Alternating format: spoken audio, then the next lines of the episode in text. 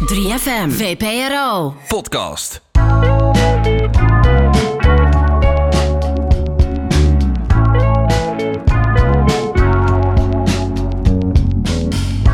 Dit is een podcast van VPRO 3 voor 12 en 3FM, waarin ik, Sagit Carter, in gesprek ga met jouw favoriete artiesten. Dit is Uncut Interviews. Hey, Sagit hier met een nieuwe aflevering van Uncut Interviews with Sagit Carter. En deze week een aflevering met, je weet het al, want het staat in de titel, je hebt erop geklikt, Stromae. Was ik zenuwachtig? 100%. Maar ik ga je even een beetje een, een beeld geven over hoe dit interview nou precies eh, verliep.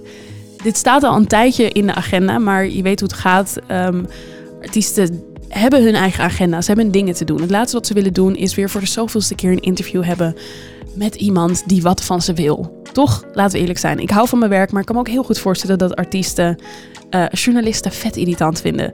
Um, uiteindelijk kreeg ik bevestiging en toen kreeg ik te horen, Sagit, 17 februari om half zeven s avonds kan je hem spreken. Dus ik natuurlijk de hele dag gewoon best wel een beetje in spanning. Ik wist dat ik ongeveer 15 minuten zou hebben. Dus ik zat uh, vijf voor half zeven stipt, zat ik klaar achter mijn computer. Het zou een, een telefonisch interview zijn via, via Zoom. En toen kreeg ik van zijn management te horen dat hij op dat moment nog in de, midden in de repetitie zat voor zijn tour. Dus toen dacht ik al, oké, dus hij is waarschijnlijk best wel moe of een beetje oververmoeid. Goed, dat, dat had ik dan al in mijn achterhoofd. Um, dus ja, op een gegeven moment uh, was hij wat later, want hij was natuurlijk gewoon druk bezig met het repeteren. Maar ik voelde me eigenlijk vooral al vereerd dat hij, ondanks de hectische periode waar hij op dat moment middenin zat, namelijk voorbereiding op zijn tour, de laatste puntjes op de i zetten, dat hij alsnog een paar minuten eventjes met mij wilde kletsen. Hello. Hello. Yeah, I'm sorry. I'm really sorry. I just forgot that. That I is had this. Uh, that is no no problem at all because I know that you're very busy because you're in the middle of rehearsing for your show. So I get it. yeah, it. exactly. Exactly. Thank you very much for your understanding. Oh no no no! I, I completely understand. Well, first of all, thank you so much for your time and for for talking to me um, tonight on this Thank very very special day. How are you doing, Paul? Oh, thank you for asking. Uh, um, we are. Um, we are. Can you hear me? Yeah, I can hear you loud and clear. Okay. No, I'm. Uh, yeah, I'm. I'm. I'm pretty relaxed. Uh, not so stressed. I was more stressed like one month or two months ago, Yeah. but now to see like concretely uh, how uh, will be the the show. Um, and uh, we we did some uh, rehearsing uh, a lot, like um, f- five or ten, and uh, and it works. It works, so I'm really happy. Yeah. And uh, and yeah, I can't wait to to show that to to the public uh, on in Brussels, Paris, and Amsterdam. I'm so excited to see because I, I I know that you're a big you have you are someone with a vision. Is it better than you envisioned? Um, it's exactly what I had in my mind. Uh, um, uh, yeah, yeah, it's exactly what I had in my mind and uh, what we had in our mind with my uh, two creative directors, uh, Coralie Barbier and uh, uh, Luc Van Haver, my brother. mhm. Uh, and uh, yeah, we are really happy. We have the robotics arms um, hanging 10 uh, screens. Um, and uh, beautiful stands uh, where the four musicians are playing their instruments Mhm. and uh, yeah it's pretty uh, it's yeah it's inspired by by uh, um, the stage design of um, of uh, Kraftwerk Oh wow. yeah because I think that's one of the best uh, stage design I've, I've ever seen that's the more clear simple and uh, yeah that's completely inspired by that it's it's not exactly the same but it's it's inspired by by them Sie ist ein Model und sie sieht gut aus. Ich nehm sie heute gerne mit zu mir nach Haus. Why why why did you why are you so enamored with their stage design? What makes it so great? Because uh, I love the fact that it's like um, really simple and uh, um, yeah, in French we say épuré, which means uh, um, Pure? yeah, pure. Uh, you know, just four four uh, stands, four musicians, a screen behind. That's how I see the actual uh, live live performances.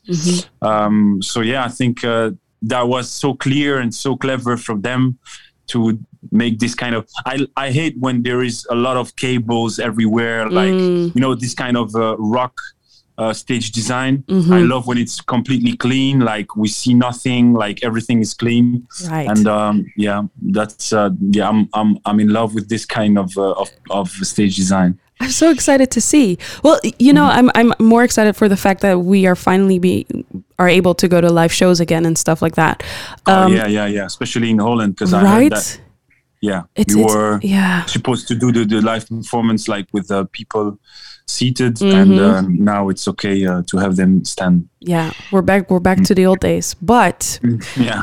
I'm I'm gonna be honest. When I heard that you were gonna go back on tour again, I was I, I was wondering, since I know that the the last time you went on tour, like it took a lot from your health and from your well being, and I'm wondering how are you gonna be approaching it, or are you gonna approach it different this time with all the knowledge that you've had from the past? Um, to be honest, now m- my life is very balanced, more than it was. Um, I have the. I'm I'm lucky to have a, a baby boy. My wife. I get married.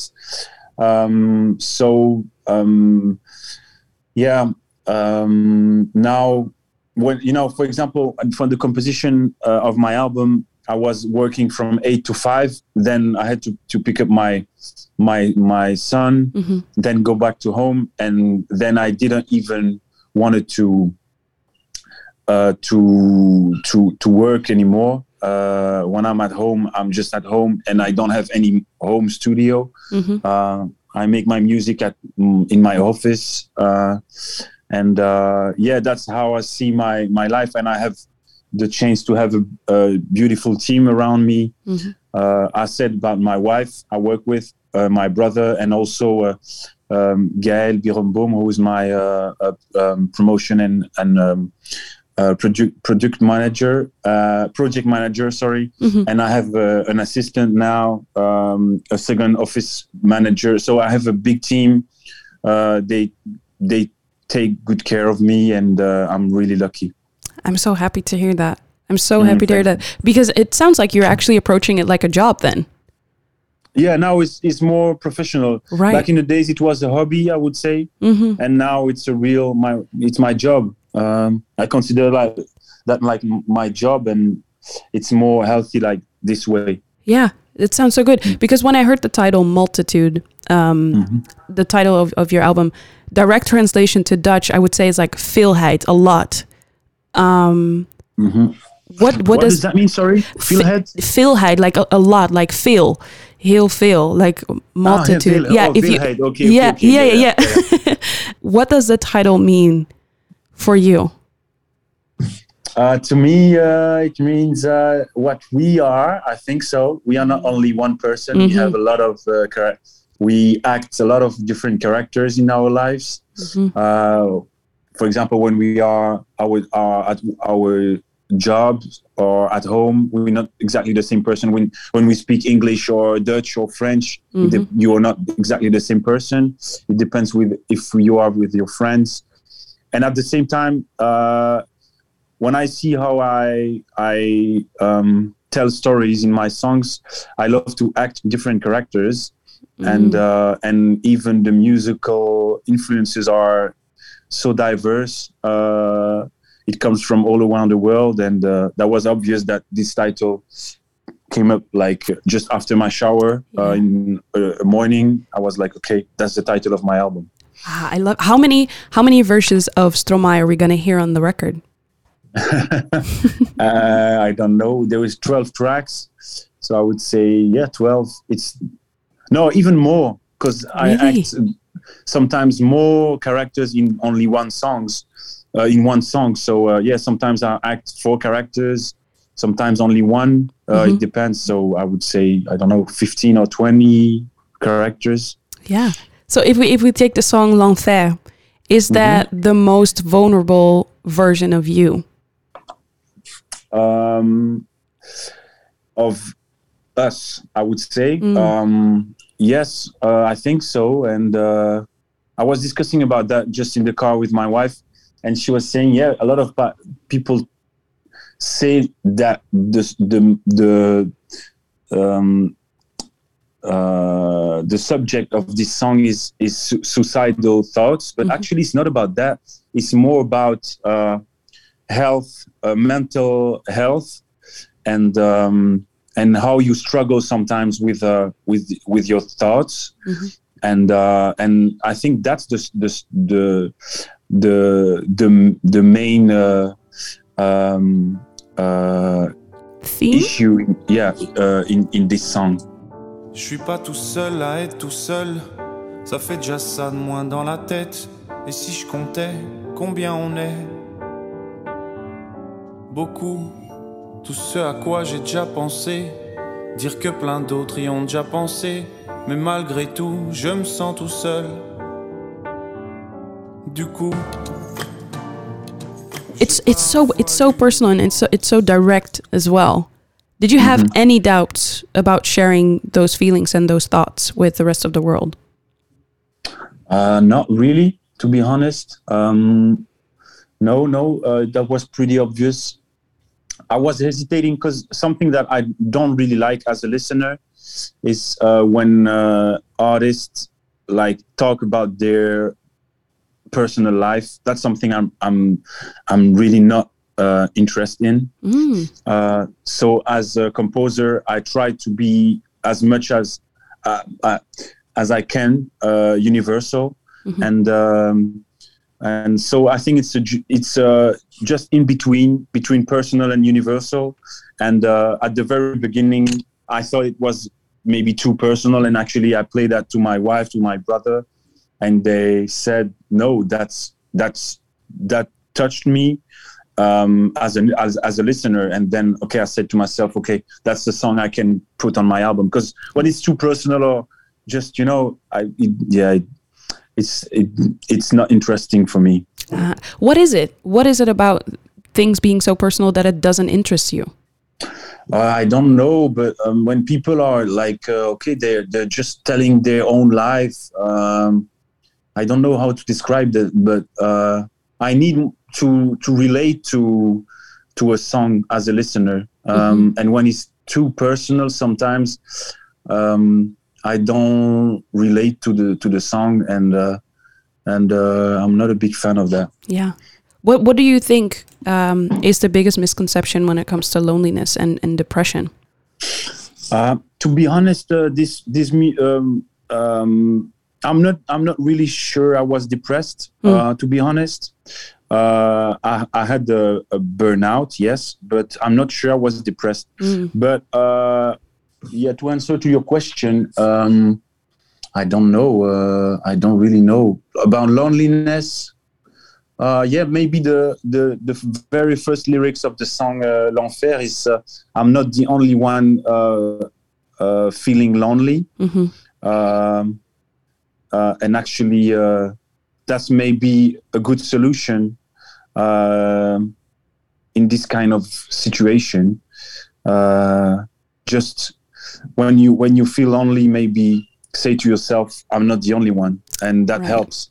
Yeah. Okay, so I have two last questions for you, and then I'm gonna let you go. Okay, the, okay. the the first one is, um, what is your favorite word at the moment? Oh, good question. Uh, my favorite word. Uh, so I guess in French, Yeah. I will I will try to translate. Uh, in French is uh, bizarre. Bizarre is weird. Mm. Uh, I love to say this word. I don't know why. Yeah, it's you can use it in a positive and in a negative way. It's a great word. yeah, you're right. Yeah, Yeah. yeah, you're right. It's a great word. All right, so the last one is if multitude could talk, what would it say? Um, this is what we are. I think. This is what yeah, we are. we we are. Yeah. Yeah. Well, Paul, thank you so much for your time. Thank you Thank you. for. And sorry, what's your name? Because I. oh, that's okay. My name is Sagit. Sagit. Okay. Yes. Yeah. Where does you come from? This name? um, my name it's a Hebrew name. I'm not Jewish, okay. but my mom just really liked the name, and uh, she was like, if I ever have a kid, it doesn't matter if it's a boy or a girl. I'm gonna name and I'm gonna name him or her Sagit. So here I am. Sagit, that's a nice name. Okay, really Thank nice you. to meet you. It was very nice to meet you. Good luck on uh, on the tour and everything. Thank you very much, and see you on the 27th. I, I On know- Sunday. oh, on Sunday, you will yeah, be there. I will try my best to be there. Yeah, okay, nice. Thank, Thank you. Bye bye. Okay, bye bye. Thank you. Dat was mijn interview met Stromae. En vanaf 4 maart 2022 is zijn nieuwe album Multitude overal te streamen. Vergeet je niet te abonneren op de podcast om zo op de hoogte te blijven van alle nieuwe interviews die er aankomen met jouw favoriete artiesten. Dat was hem weer. Tot volgende week. 3FM. Podcast. Drie mannen met zwarte pak legden hem op de grond neer. En ik hoorde, hij is het niet, hij is het niet. Ik wist gelijk, jij bent een shark. Sorry voor mijn broertje. Twee levensverhalen over broederschap en de consequenties van de keuzes die je maakt. Mijn zus, ik hoorde haar nog roepen van, eh, wat, heb je gedaan? Wat maakt de ene broer tot een toonbeeld en de ander tot een schrikbeeld van een generatie? In de podcast Sorry voor mijn broertje zoeken we antwoord op die vraag aan de hand van de levensverhalen van Nabil en Naïb. De podcast Sorry voor mijn broertje. Check je via de 3FM app of jouw favoriete podcastplatform.